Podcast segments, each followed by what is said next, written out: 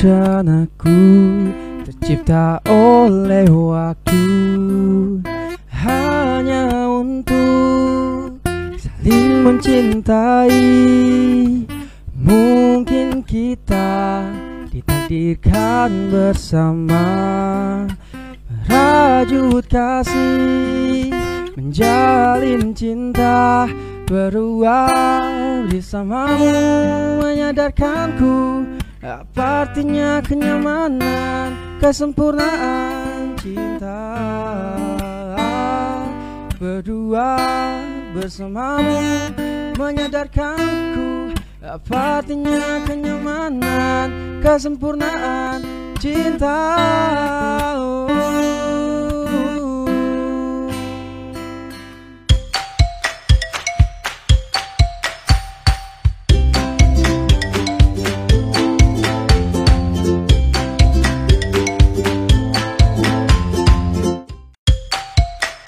Kali ini bersama dengan dua penyiar sangat luar biasa Tentunya aku, Rizal dan Betul sekali dan pada hari ini Kita kedatangan narasumber yang sangat luar biasa sekali Ya kan? Pastinya bakalan ngobrol-ngobrol asik dan juga keren abis ya. Betul sekali Vanessa ya Karena tema pada sore hari ini adalah Mbak Nisa Ayo berpikir positif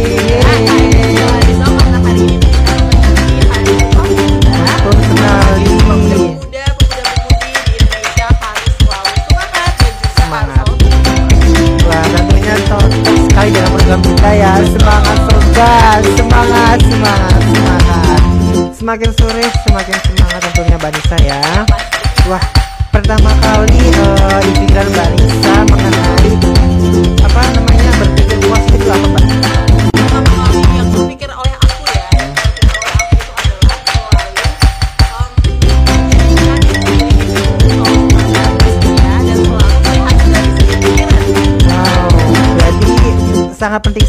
kita dalam berpikir positif. Apalagi apalagi untuk membuat generasi muda kita kita ini ya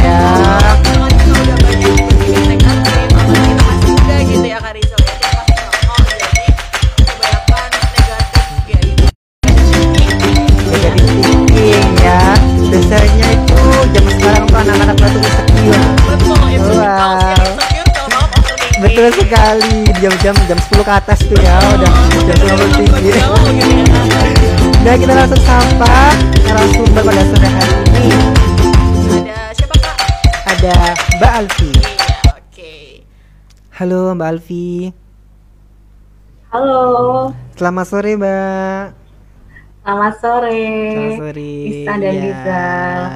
selamat datang bersama kami di Radio Muhammadiyah ya Iya. sekarang lagi di mana Mbak Alfi Sekarang aku lagi di rumah, Hmm? di kamar, hmm, sendirian. Wow, sendirian Mbak ya. Iya. Nah Mbak, ini kan eh, di Hari Sumpah Pemuda ini kan cocok banget nih dengan tema kita yaitu ayo berpikir positif karena ini juga termasuk ya. Sekali. Mm-mm, Nah, menurut Mbak Nisa, menurut Mbak Alfi sendiri ini apa itu eh, ter- pertama kali terpikir mengenai berpikir positif?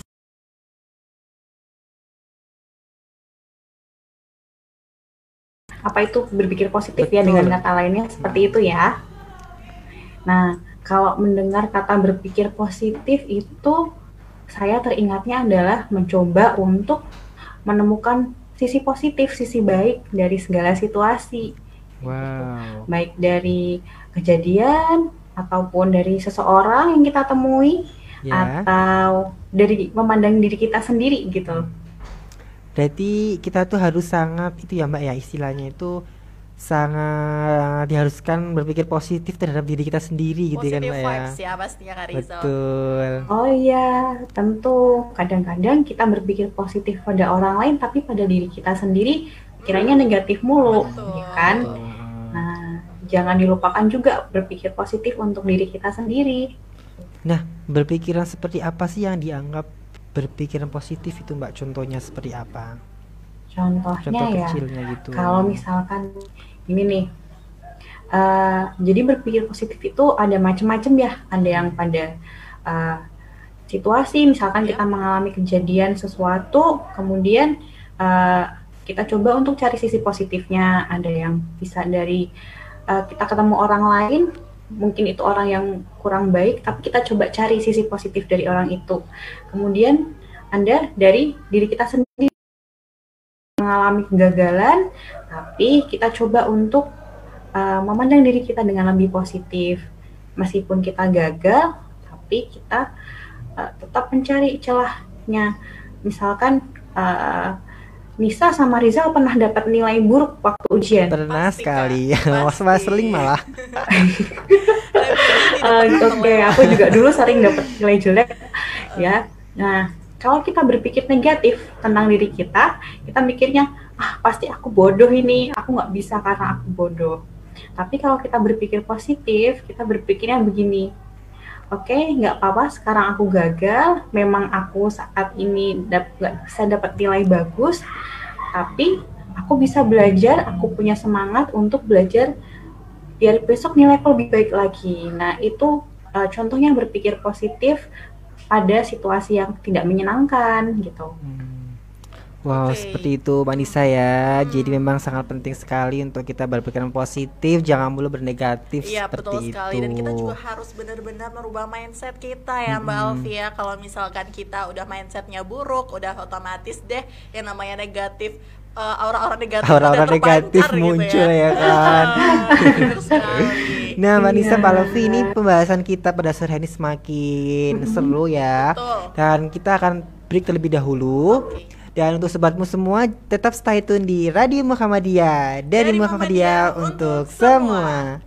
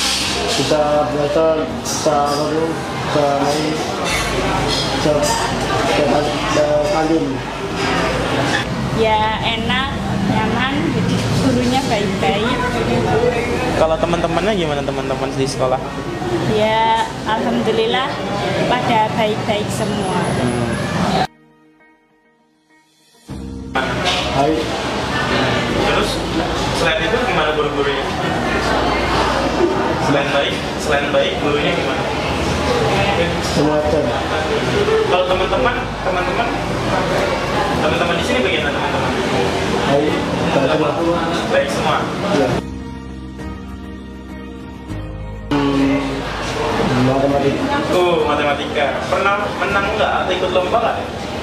belum. Belum. Ya pada awalnya sih saya nggak punya tujuan ya setelah lulus SMP itu. Saya itu bingung mau sekolah di mana. Akhirnya itu guru pendamping saya memilihkan saya sekolah di kita eh, sebagai teman punya teman seperti Alvin kita bisa bersyukur apa memiliki kelebihan dan Alvin pun juga punya kelebihan juga seperti kita yang tidak dimiliki sesama teman. Program inklusi di SMK Muhammadiyah 2 Jakarta ini kurang lebih sekitar dimulai sekitar tahun 2009 atau 2010-an Eh, di awal awal masuk di sini juga saya pas kebetulan ada siswa inklusi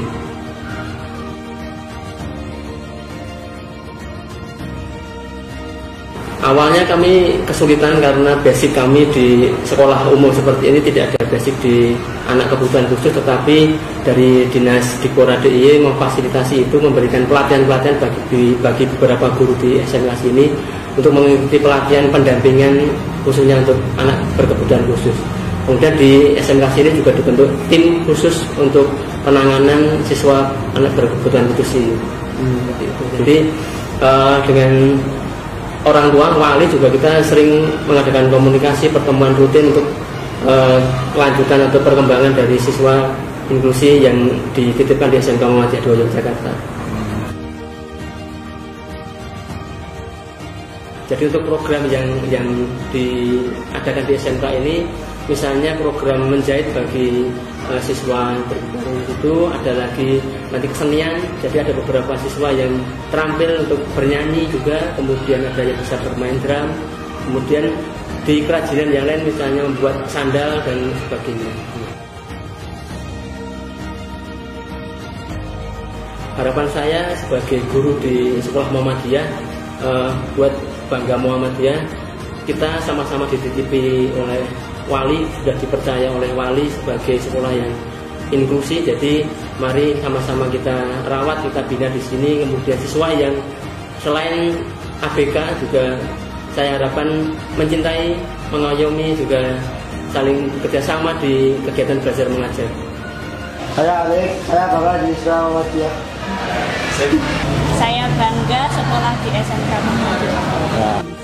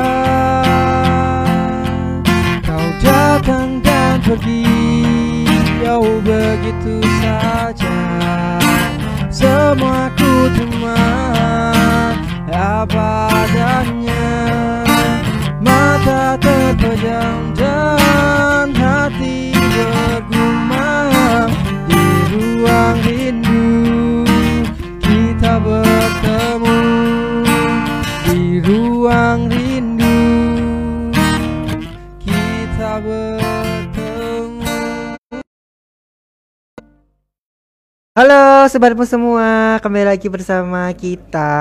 Ya, Ber- pastinya. Betul, dengan dua penyiar yang sangat kece sekali Wanisa ya. Oke. Tentunya dengan narasumber pada sore hari yang sangat luar biasa tentunya. Iya, dan dia beliau ini adalah seorang psikolog di salah satu sekolah swasta di Yogyakarta, Karisa. Wow. Wow. Eh, eh, dan tadi kita sudah berbicara dengan Mbak Alfi gitu ya, bagaimana Betul. Gitu ya, Betul ya Karizal. positive vibe. Mm-mm. Wow, agar jiwa-jiwa aura-aura positif kita itu menampak gitu kayak. Wanisa ya. Kalau misalkan kita uh, mindsetnya tuh udah buruk, Hmm. kayak kayak tadi ya negatif auranya tuh terpancar gitu ya. Betul, auranya Bener. silang gitu kan ya. Heeh. Nah, ini gimana Mbak? Kan pada hari ini kan hari sum hari Sumpah Pemuda. Kira-kira pesan buat generasi muda di, di luar sana, khususnya buat para sobatmu nih gimana ini? Iya, tapi kalau misalkan Nisa ngomongin dari segi sejarah gitu ya, Betul karena ya. sesuai dengan ilmunya Nisa juga gitu. Kalau misalkan kita ngomongin soal Sumpah Pemuda nih, Karizal nih, kita pasti nggak akan lepas dari namanya banyak Oh. juga nih pemuda-pemuda Indonesia yang turut memperjuangkan kemerdekaan Indonesia saat itu. Wow sekali.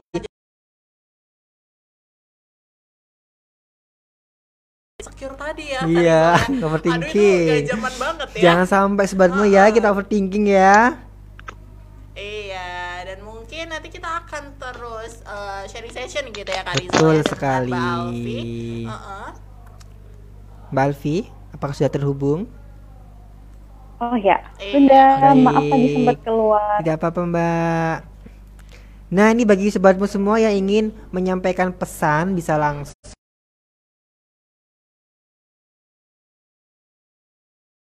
081227351554 dengan iya. format pes nama, pesan dan Facebook ataupun Instagram di Radio Muhammadiyah pastinya. Betul sekali. Langsung kita hmm. kembali ke narasumber. Halo okay. Mbak Alvi. Ya, halo. Baik, tadi kan kita sudah membahas uh, menyinggung sedikit mengenai berpikir positif. Hmm Nah, Ya, Mbak Alfi, aku aku nih mau nanya. Aku nih sering banget ya eh berpikiran negatif entah itu berpikiran negatif tentang hal eh, dalam kuliah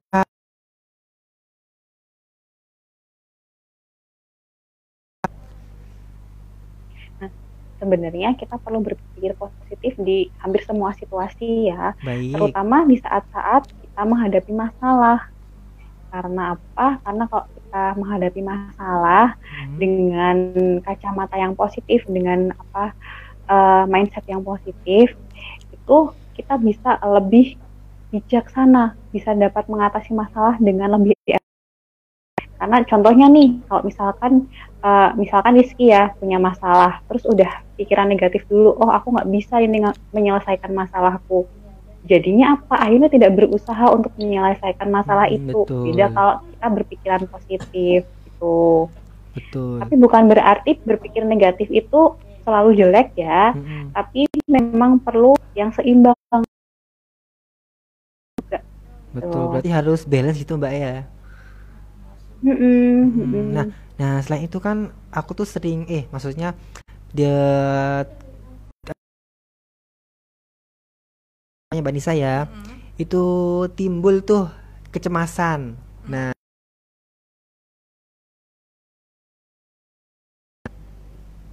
Oke, kecemasan itu kan kekhawatiran akan masa depan ya. betul. Jadi biasanya sesuatu yang belum terjadi, kecemasan akan sesuatu yang belum terjadi. Biasanya khawatir, duh besok aku mau misalkan ketemu eh, ketemu calon mertua misalkan ya. wow, ketemu calon Terus mertua. Nanti kalau aku udah kalau eh, ternyata aku tidak diterima dengan baik gimana? Kalau aku tidak ini bagaimana? Nah, sebaiknya kita fokusnya pada eh, persiapan diri kita menghadapi hal hal-hal yang kita cemaskan itu.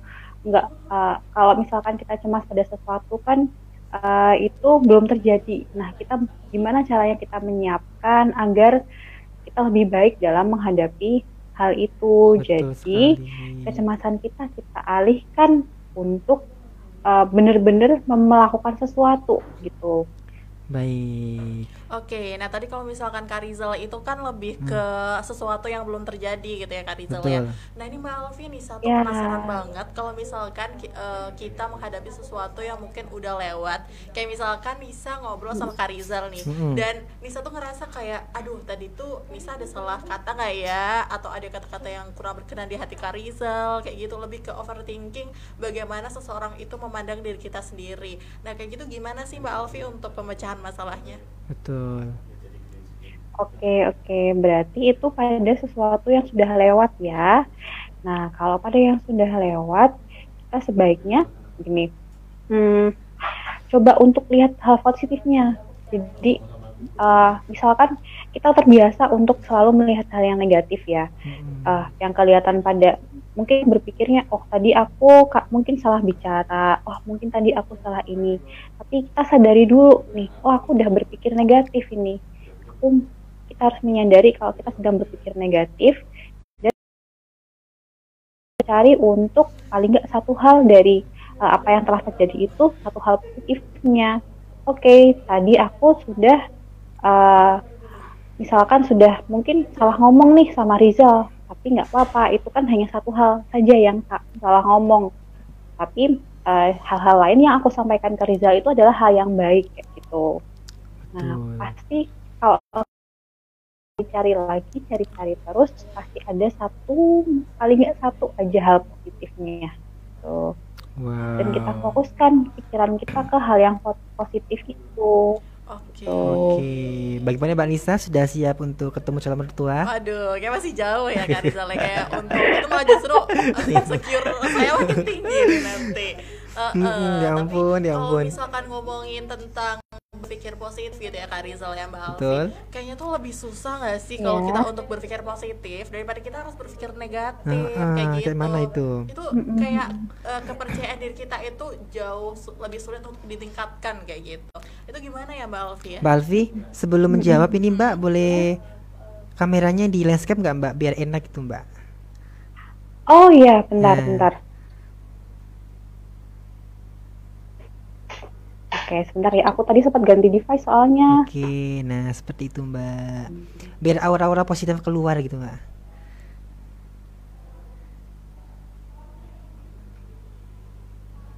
Nah, sudah. Silakan Mbak Alfi. Udah? Sudah. Jadi begini, tadi pertanyaannya kenapa kita lebih mudah untuk berpikir negatif ya Baik. dan terasa sulit sekali untuk berpikir positif ini. Eh, mungkin bisa sama Rizal nggak menyadari kalau kita biasanya dibesarkan eh, dengan cara di mana kita eh, lebih fokus pada hal-hal negatif. Contohnya nih, kalau misalkan nih eh, Nisa dan Rizal dulu waktu anak-anak kalau misalkan melakukan hal baik, apakah diapresiasi, apakah dipuji? Dikacangin mana Mbak? Amin ya ampun. Sama kayaknya ya. Sama.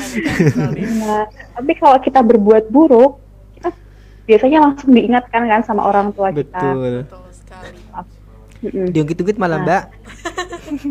Dapat tegurunnya berkali-kali ya Kak Betul ya. Ya diungkit-ungkit.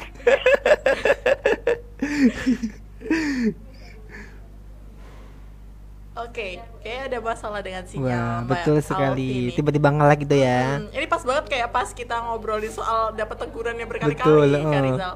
Heeh. Ah ini gimana? Oke, Mbak Alfi. Mbak Alfi apa bisa- sudah terhubung? Heeh. Oke. Tadi tadi tiba-tiba ngelag ya Mbak ya. Ya ini jaringanku kurang stabil soalnya di sini. Maaf ya. Tidak apa-apa Mbak. Baik. Jadi begini, eh, kan eh, tadi sampai mana ya yang Tadi aku sampai terdengar? orang tua Mbak. Tidak apa-apa. kita kan memang di mana eh, biasanya orang tua itu lebih menyadari kalau kita berperilaku negatif nih. Misalkan tadi Betul. Rizal kalau misalkan berperilaku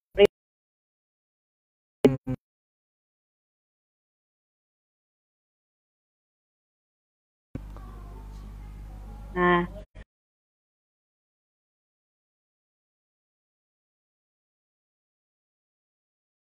untuk pola pikir kita juga kayak gitu. Kita jadi terbiasa untuk fokus pada hal-hal kita yang negatif pada uh, aspek negatif di diri kita. Udah langsung ada gitu.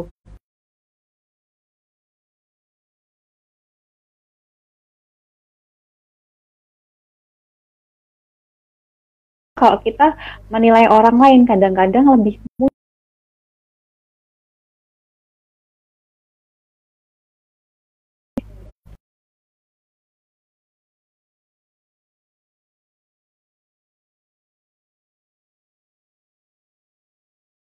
seperti itu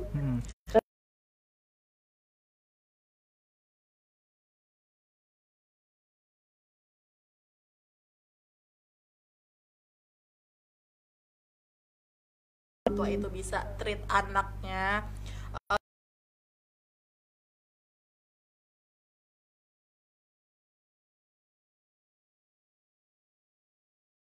itu tidak menutup kemungkinan juga anaknya juga akan sering marah-marah gitu ya mbak Alfi ya. Iya uh, dan juga terbentuk juga dari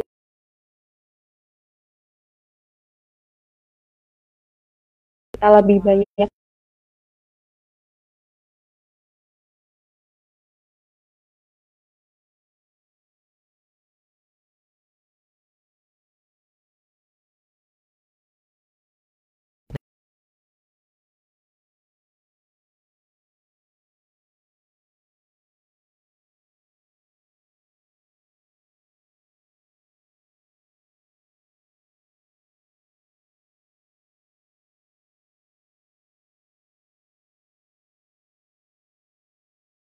aktivitas kita. Kemudian karena kita fokus pada hal-hal yang kita cemaskan itu, kita jadi kurang fokus pada eh, apa yang kita kerjakan gitu.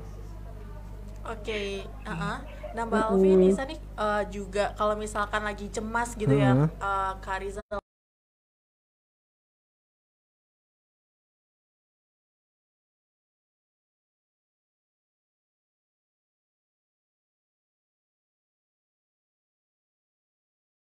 ada juga rasanya tuh Mm-mm. jauh lebih capek Mbak Alfi walaupun seharian itu sudah tidur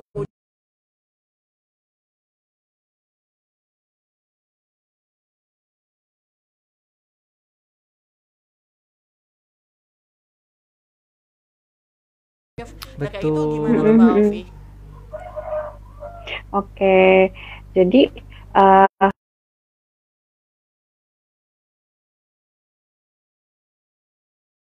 apa-apa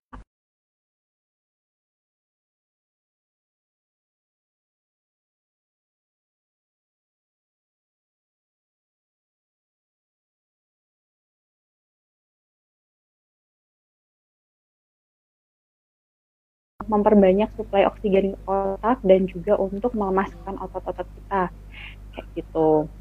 Wow. Nah, kemudian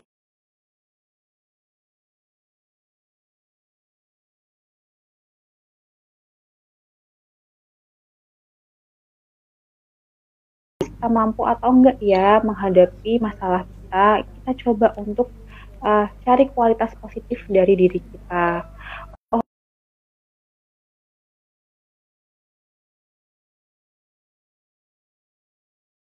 kayak gitu. Mm-mm. Ya. Oke. Nah, dari sisi dari kecemasan ini apakah bisa menimbulkan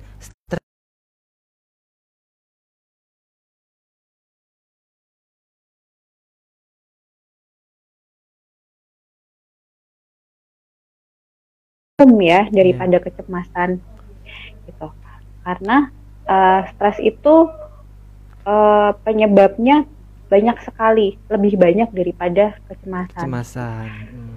Mm. Nah itu jadi memang itu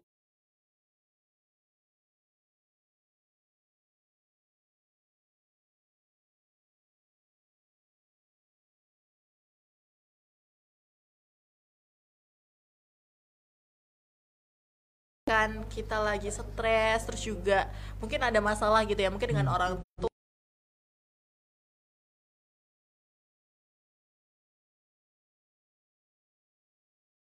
Jauh lebih besar gitu ya cemasnya jauh lebih besar sedihnya kayak gitu.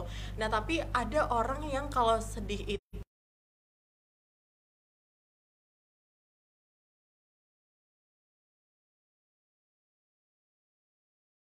itu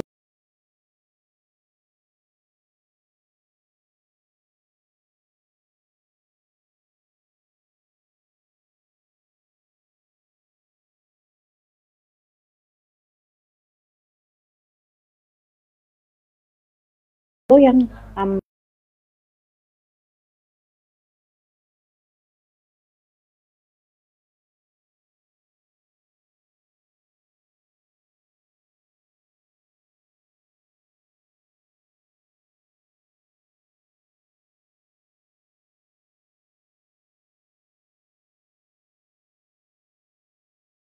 Nah, tapi misalkan di diary atau di jurnal itu Wow, iya mbak. Dan dari uh, dan dari menulis itu kita juga bisa untuk uh,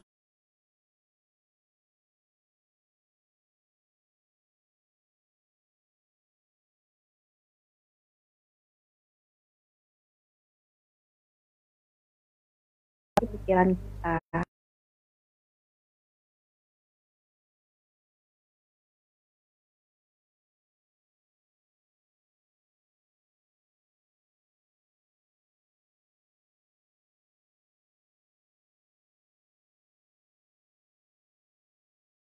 adalah men-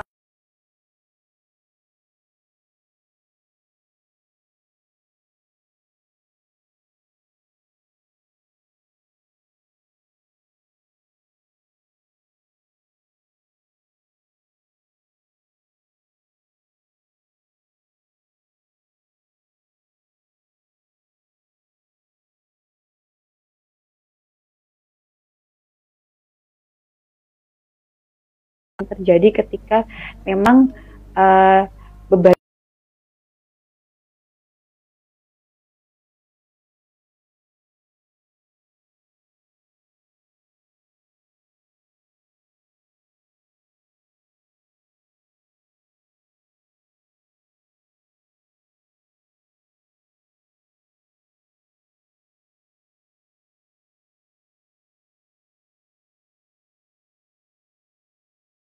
dari dari berpikiran cemas itu dapat kita ekspresikan seperti apa mbak? Mungkin dari Oke. sisi yang mana gitu mbak? Oke, kalau kecemasan itu kan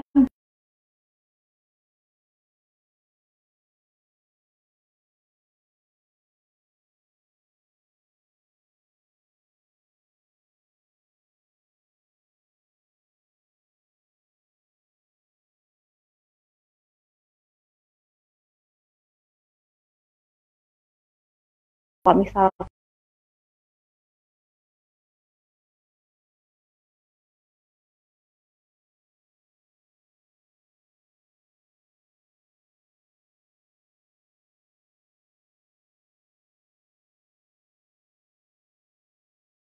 kamu bisa melihat dengan lebih rasional masalah yang sedang kamu hadapi.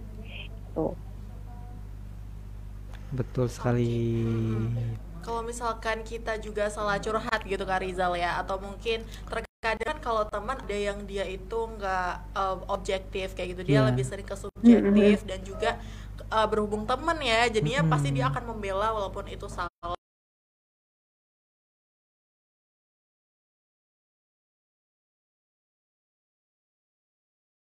Baik tanpa melihat dia itu sebagai seorang teman tetapi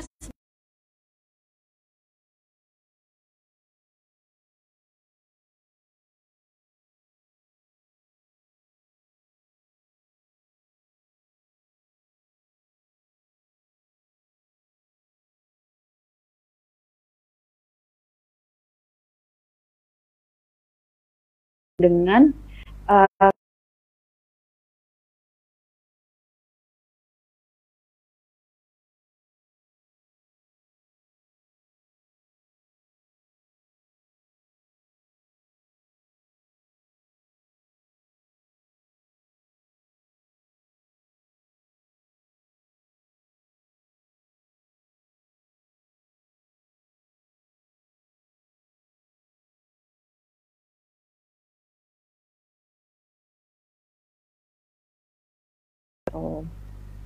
yang pertama itu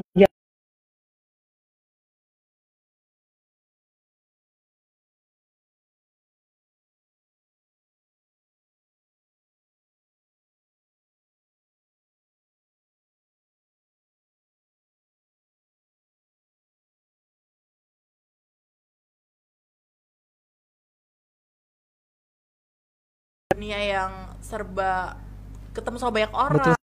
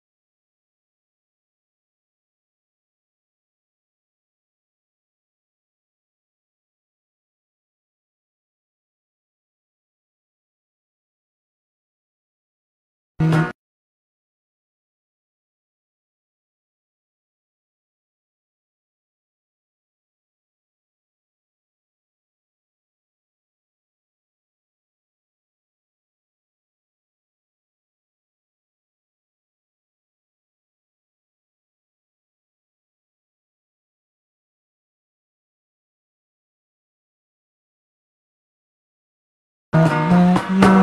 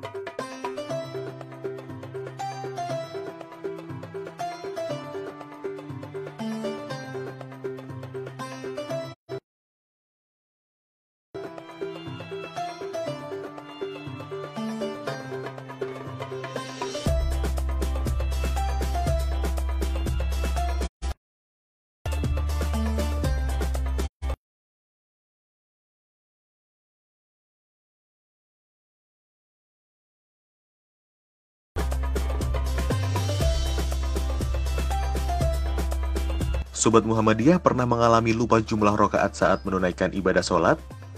Apa yang harus dilakukan?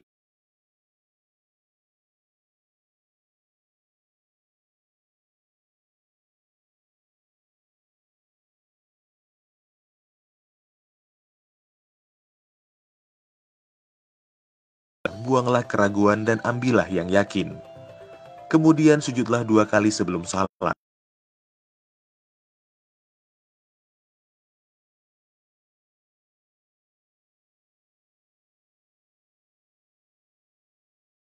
Adalah sebagai penghinaan bagi setan. Hadis riwayat Muslim nomor 571. Sebab-sebab dilakukannya sujud sahwi yaitu karena lupa duduk tahiyat awal, karena ragu-ragu jumlah rakaat yang dikerjakan,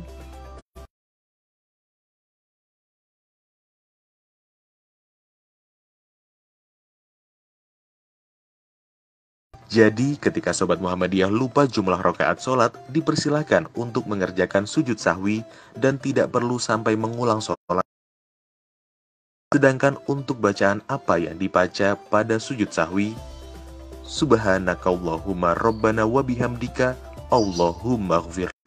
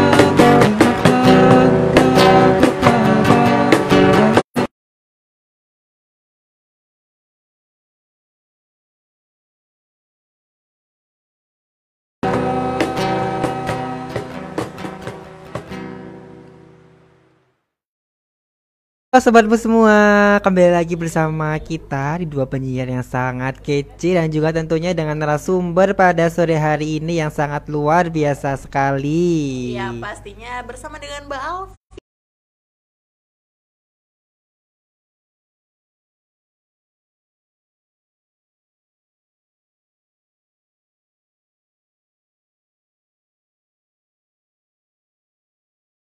Betul. Oke, Mbak Alfi bisa gabung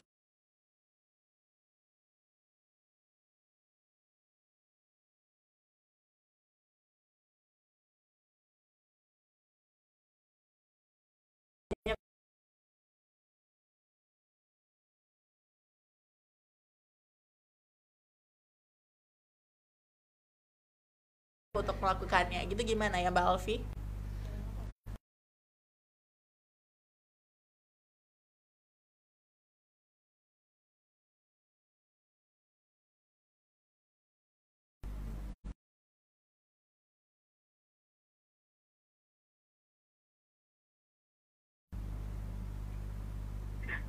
Maaf, masih mute. Terus kalau rasa nggak enak itu memang sangat-sangat erat sama kehidupan kita sehari-hari ya. Hmm. Karena kita tinggal di Jogja dengan budayanya yang memang nggak enakan, kalau kita ada apa-apa itu memang lebih banyak disimpan di hati.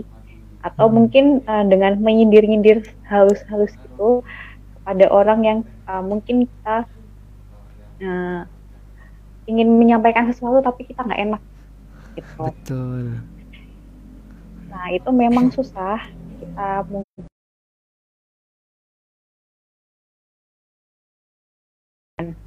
gitu. Kadang-kadang kita itu berpikir sesuatu kita sudah berpikir negatif dulu. Kalau misalkan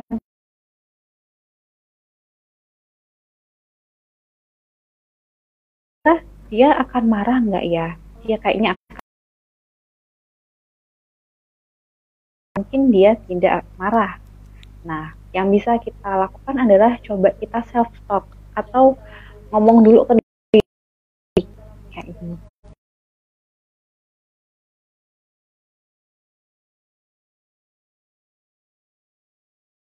Kan, tapi masih bisa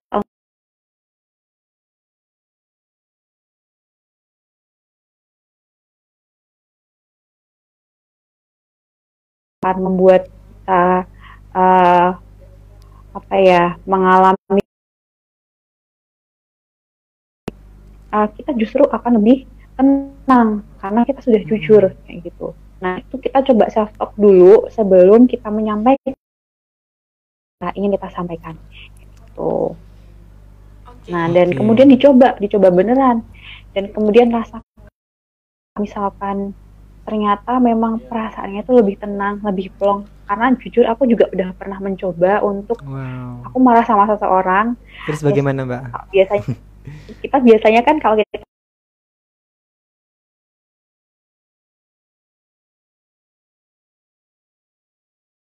aku marah sama kamu karena kamu begini begini begini gitu. Dan eh, setelahnya aku merasa tenang. Bahkan sampai sekarang pun aku udah lupa kenapa aku itu marah. Nah, coba kalau kita dulu, eh, aku dulu kenapa mungkin eh, aku masih menyimpan kemarahan itu sampai sekarang, masih ku bawa sampai sekarang. Tapi kalau karena sudah aku sampaikan, aku sudah melepaskan kemarahanku, aku sudah bisa tenang. Gitu. Wow, memang ini dibutuhkan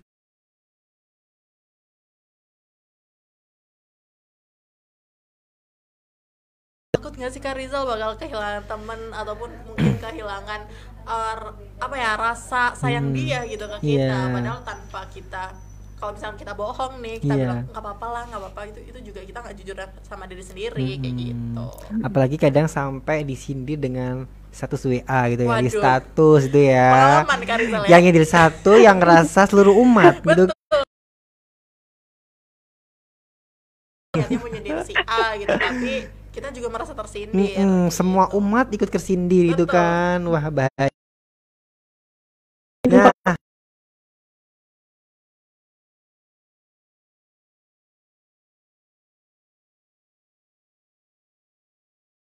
jadi perhatian Nisa juga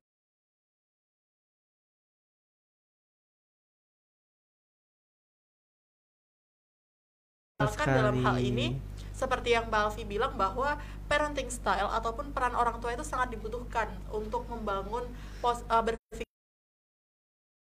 Hmm.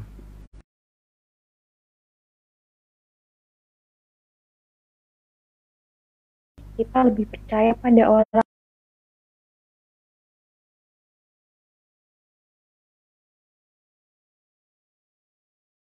orang tua juga uh, tidak percaya dengan apa yang kita sampaikan gitu.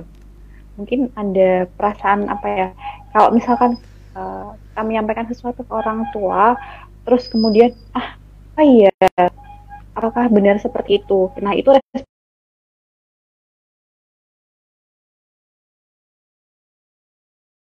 jadi nggak percaya juga pada omongan orang tua kita. Dan kemudian eh, lagi kalau sekarang kan zaman media sosial ya gitu. Kecenderungan orang tua kita sebagai eh, pengguna media sosial itu masih kurang eh,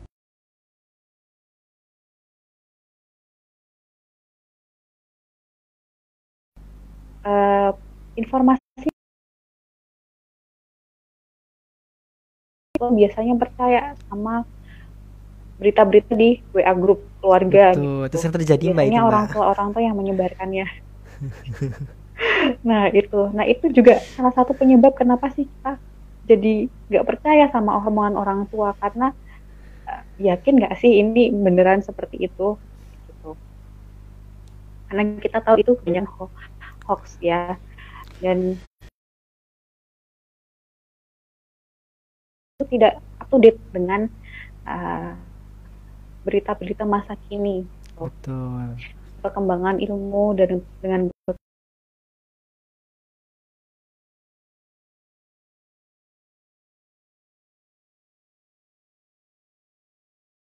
menggunakan sosial media kita pinter untuk menyaring informasi mana yang benar mana yang salah gitu. Kita uh, lebih lebih baik dalam hal itu. Memang kan karena kita uh, menggunakan sosial media memang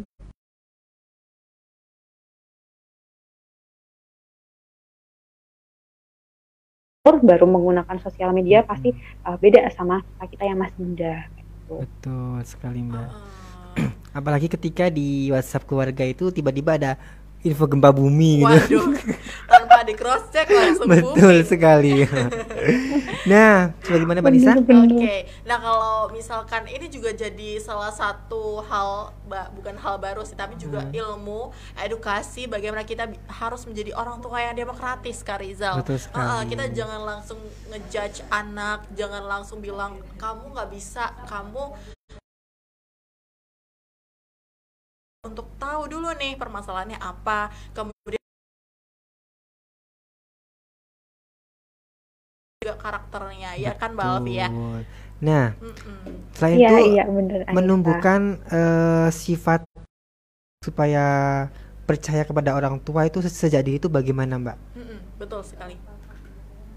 Ah, maaf, bisa diulang pertanyaannya? Baik, bagaimana cara untuk menem- men-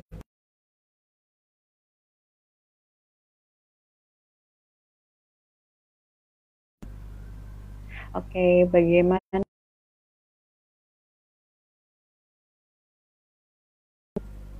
Eh, yang jelas kita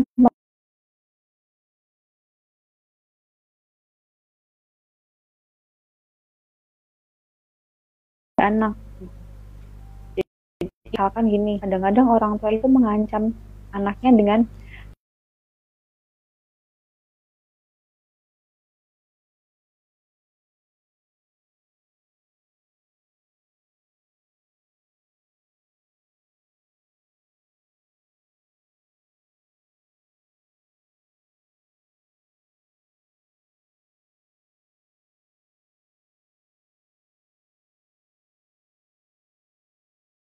kali atau enggak. Nggak mungkin kan polisi datang untuk menangkap kita karena kita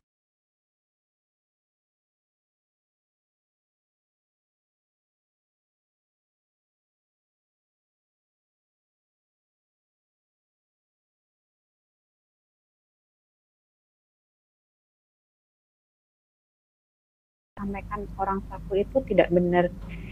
Mungkin berarti orang tuaku selama ini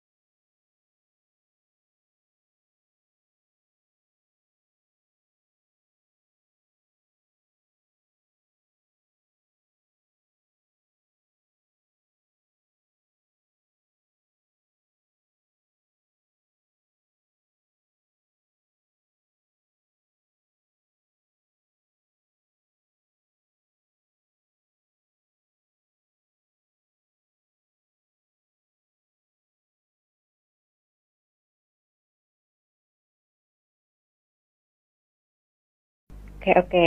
Nah, itu juga menarik sekali ya, Anissa,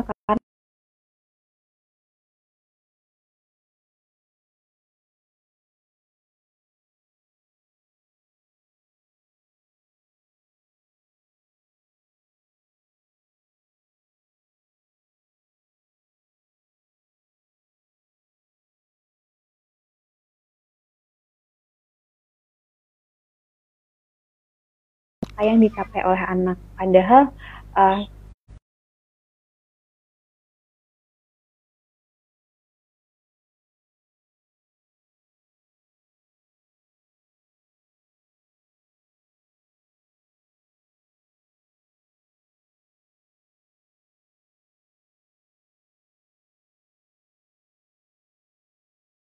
melihat pada kurangan anak, tapi pada eh, sesuatu yang positif yang sudah dilakukan oleh anak. Gitu. Wah,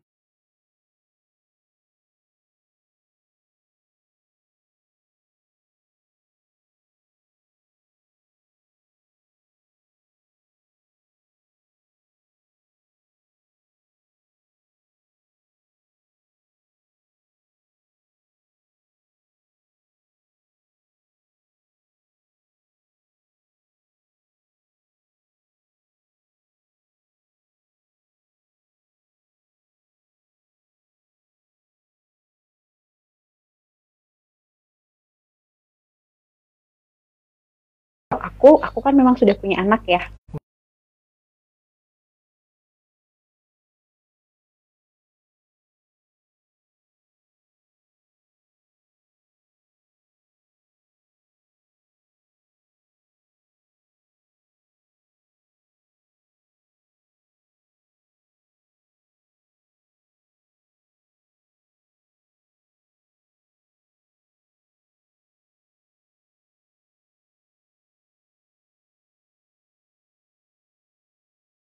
Baik, ketika anakku melakukan keberhasilan itu aku puji, segera aku puji.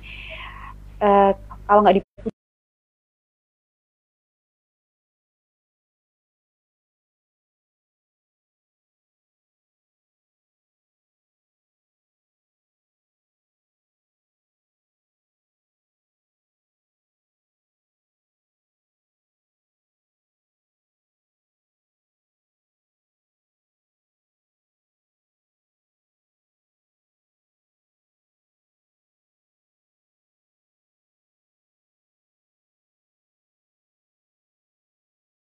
kamu kok kayak gitu ya? Kamu harusnya bisa lebih seperti ini, seperti ini, seperti ini. Tapi kita coba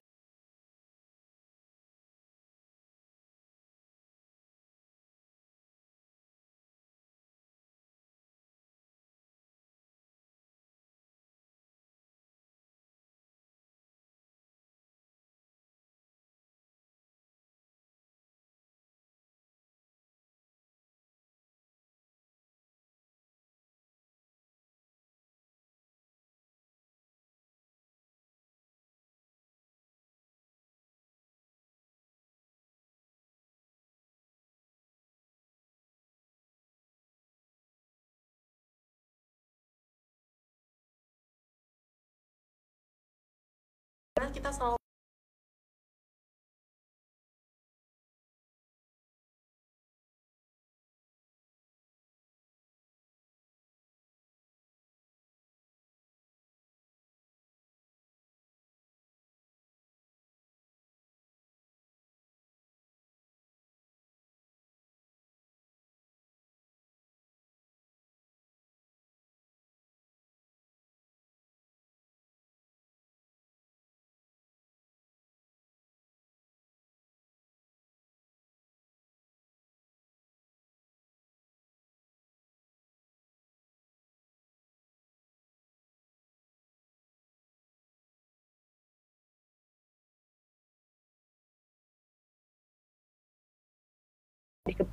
kebiasaan ya.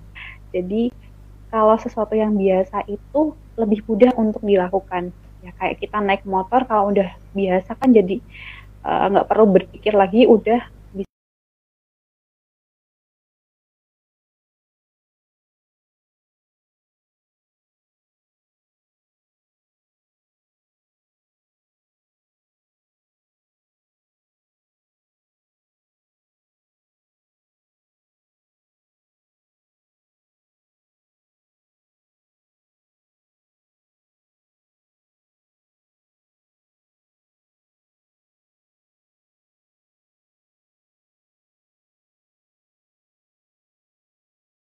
depanku gitu. Mungkin melakukan di malam hari terus di flashback nih seharian tadi ngapain aja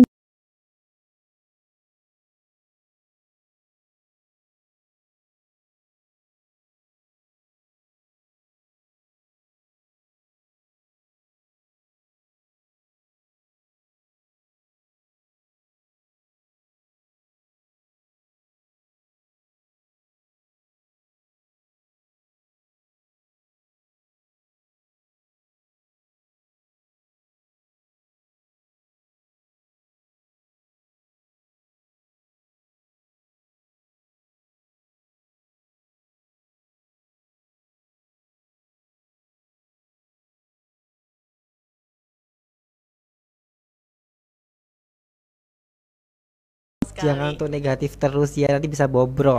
Iya Bobro, bukan lagi. Hmm. Dan kalau misalkan untuk positive vibes ataupun uh, berpikir positif itu memang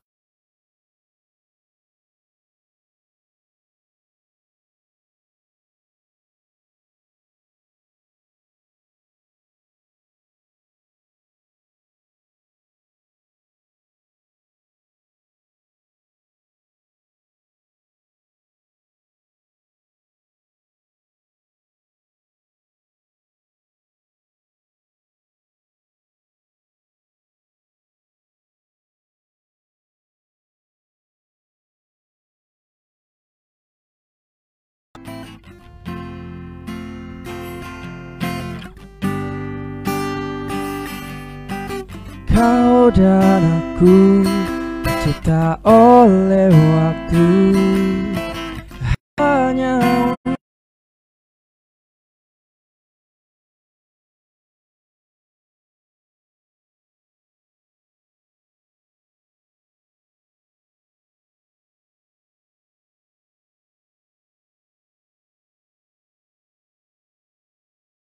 ada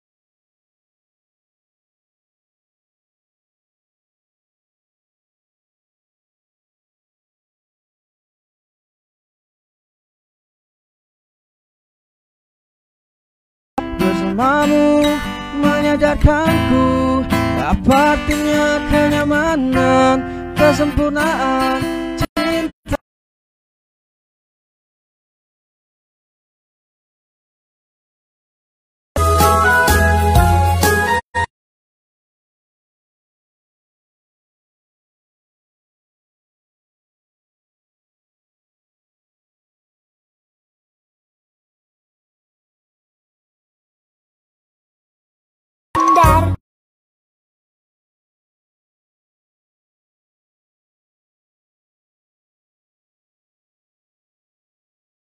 Bye.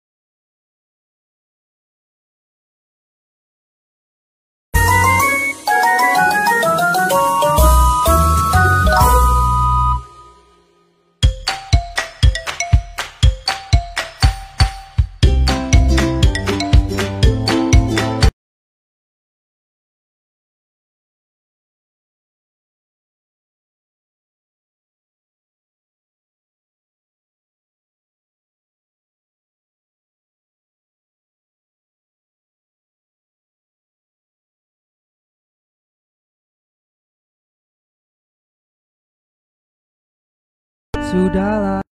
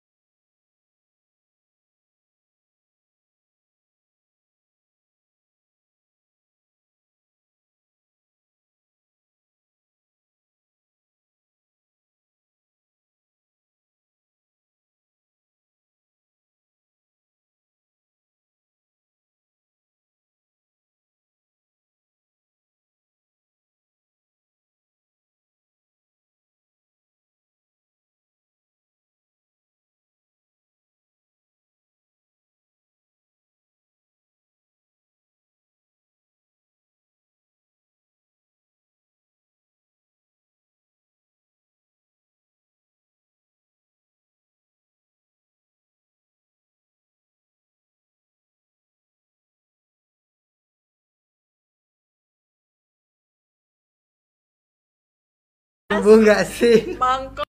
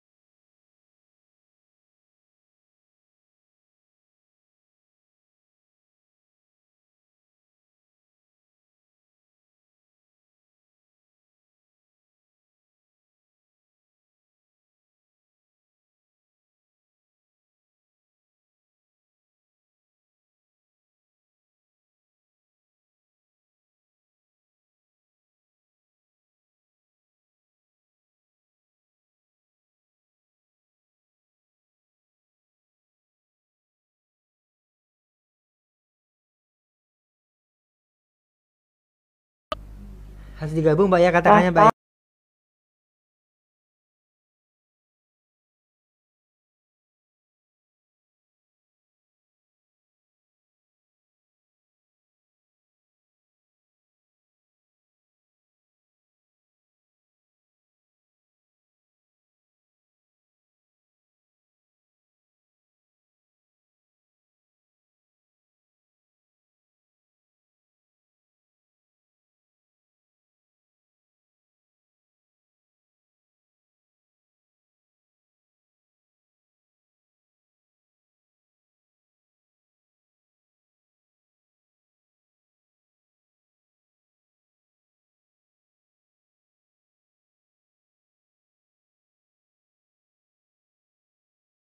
S2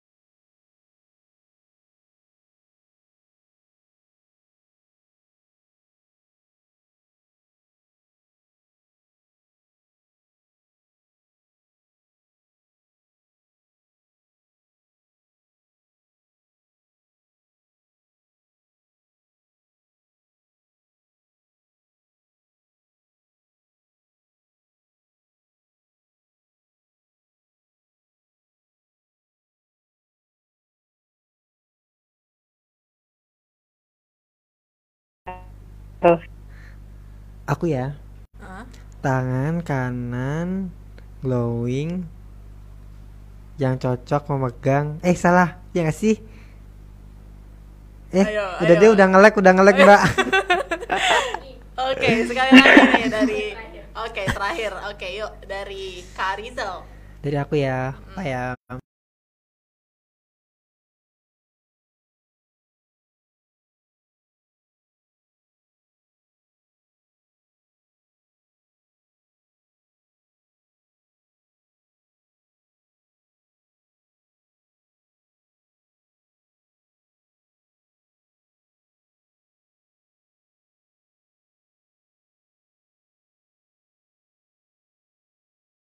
Orang tuaku. Rumah besar bagus milikku dan orang tuaku sendiri. Rumah besar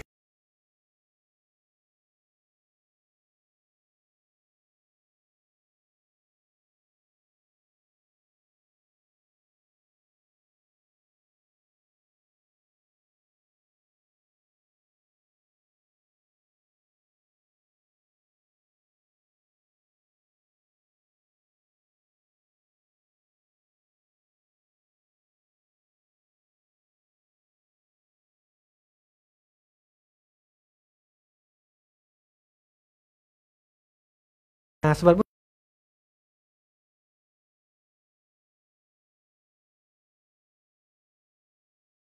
sore hari ini ya. Di nomor telepon yaitu 081227351554 dengan format nama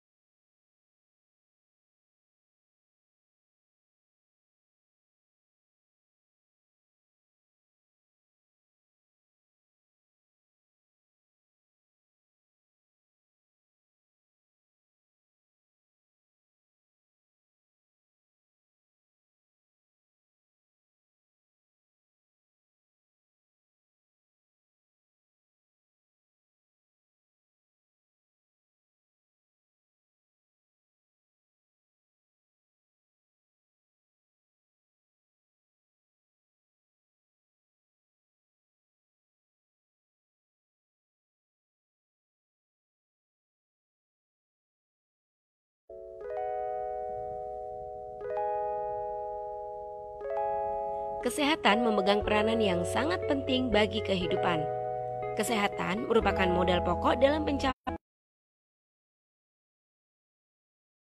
musim pancaroba seperti saat sakit yang mudah menyerang. Untuk itu, wajib sekali bagi kita berupaya dan meningkatkan imun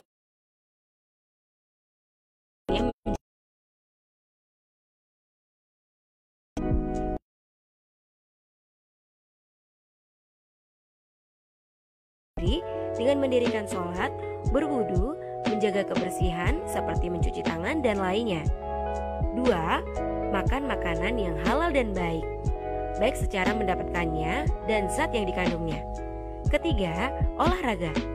Ajaran Islam olahraga Allahu alaihi wasallam Orang mukmin yang kuat lebih dicintai oleh Allah Subhanahu wa taala. Hal itu bisa dijadikan acuan untuk menjaga kesehatan. Semoga bermanfaat ya.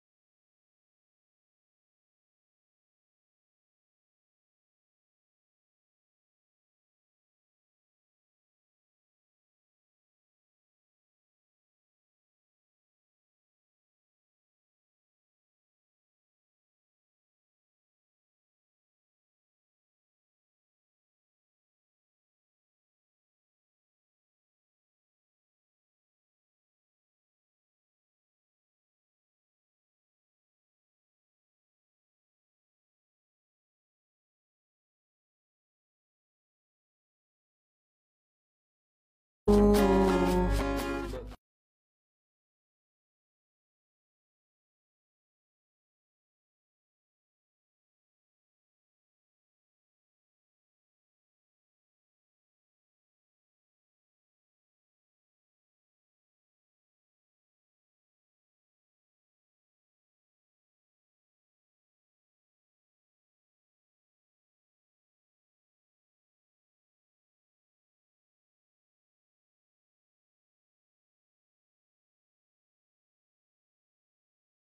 Berpikiran Bet- positif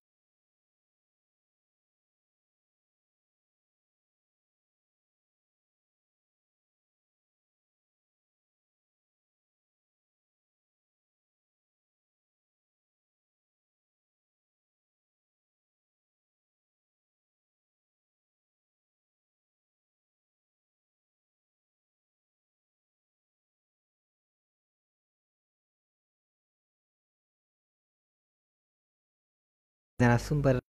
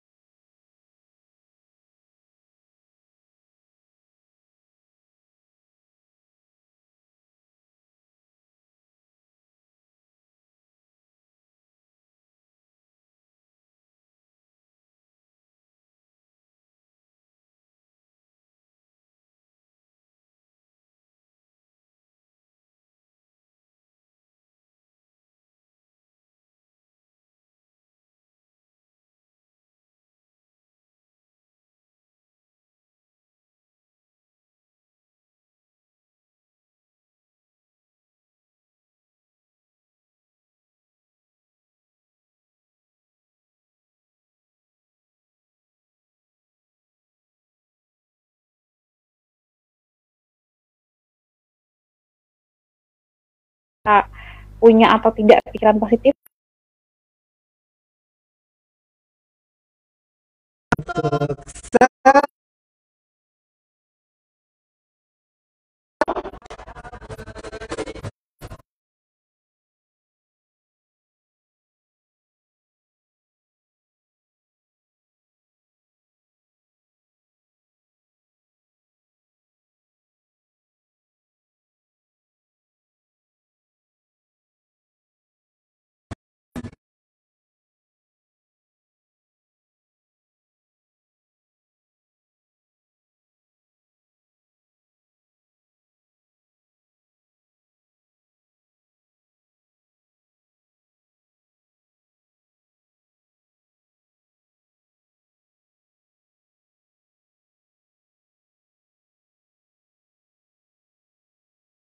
verdade.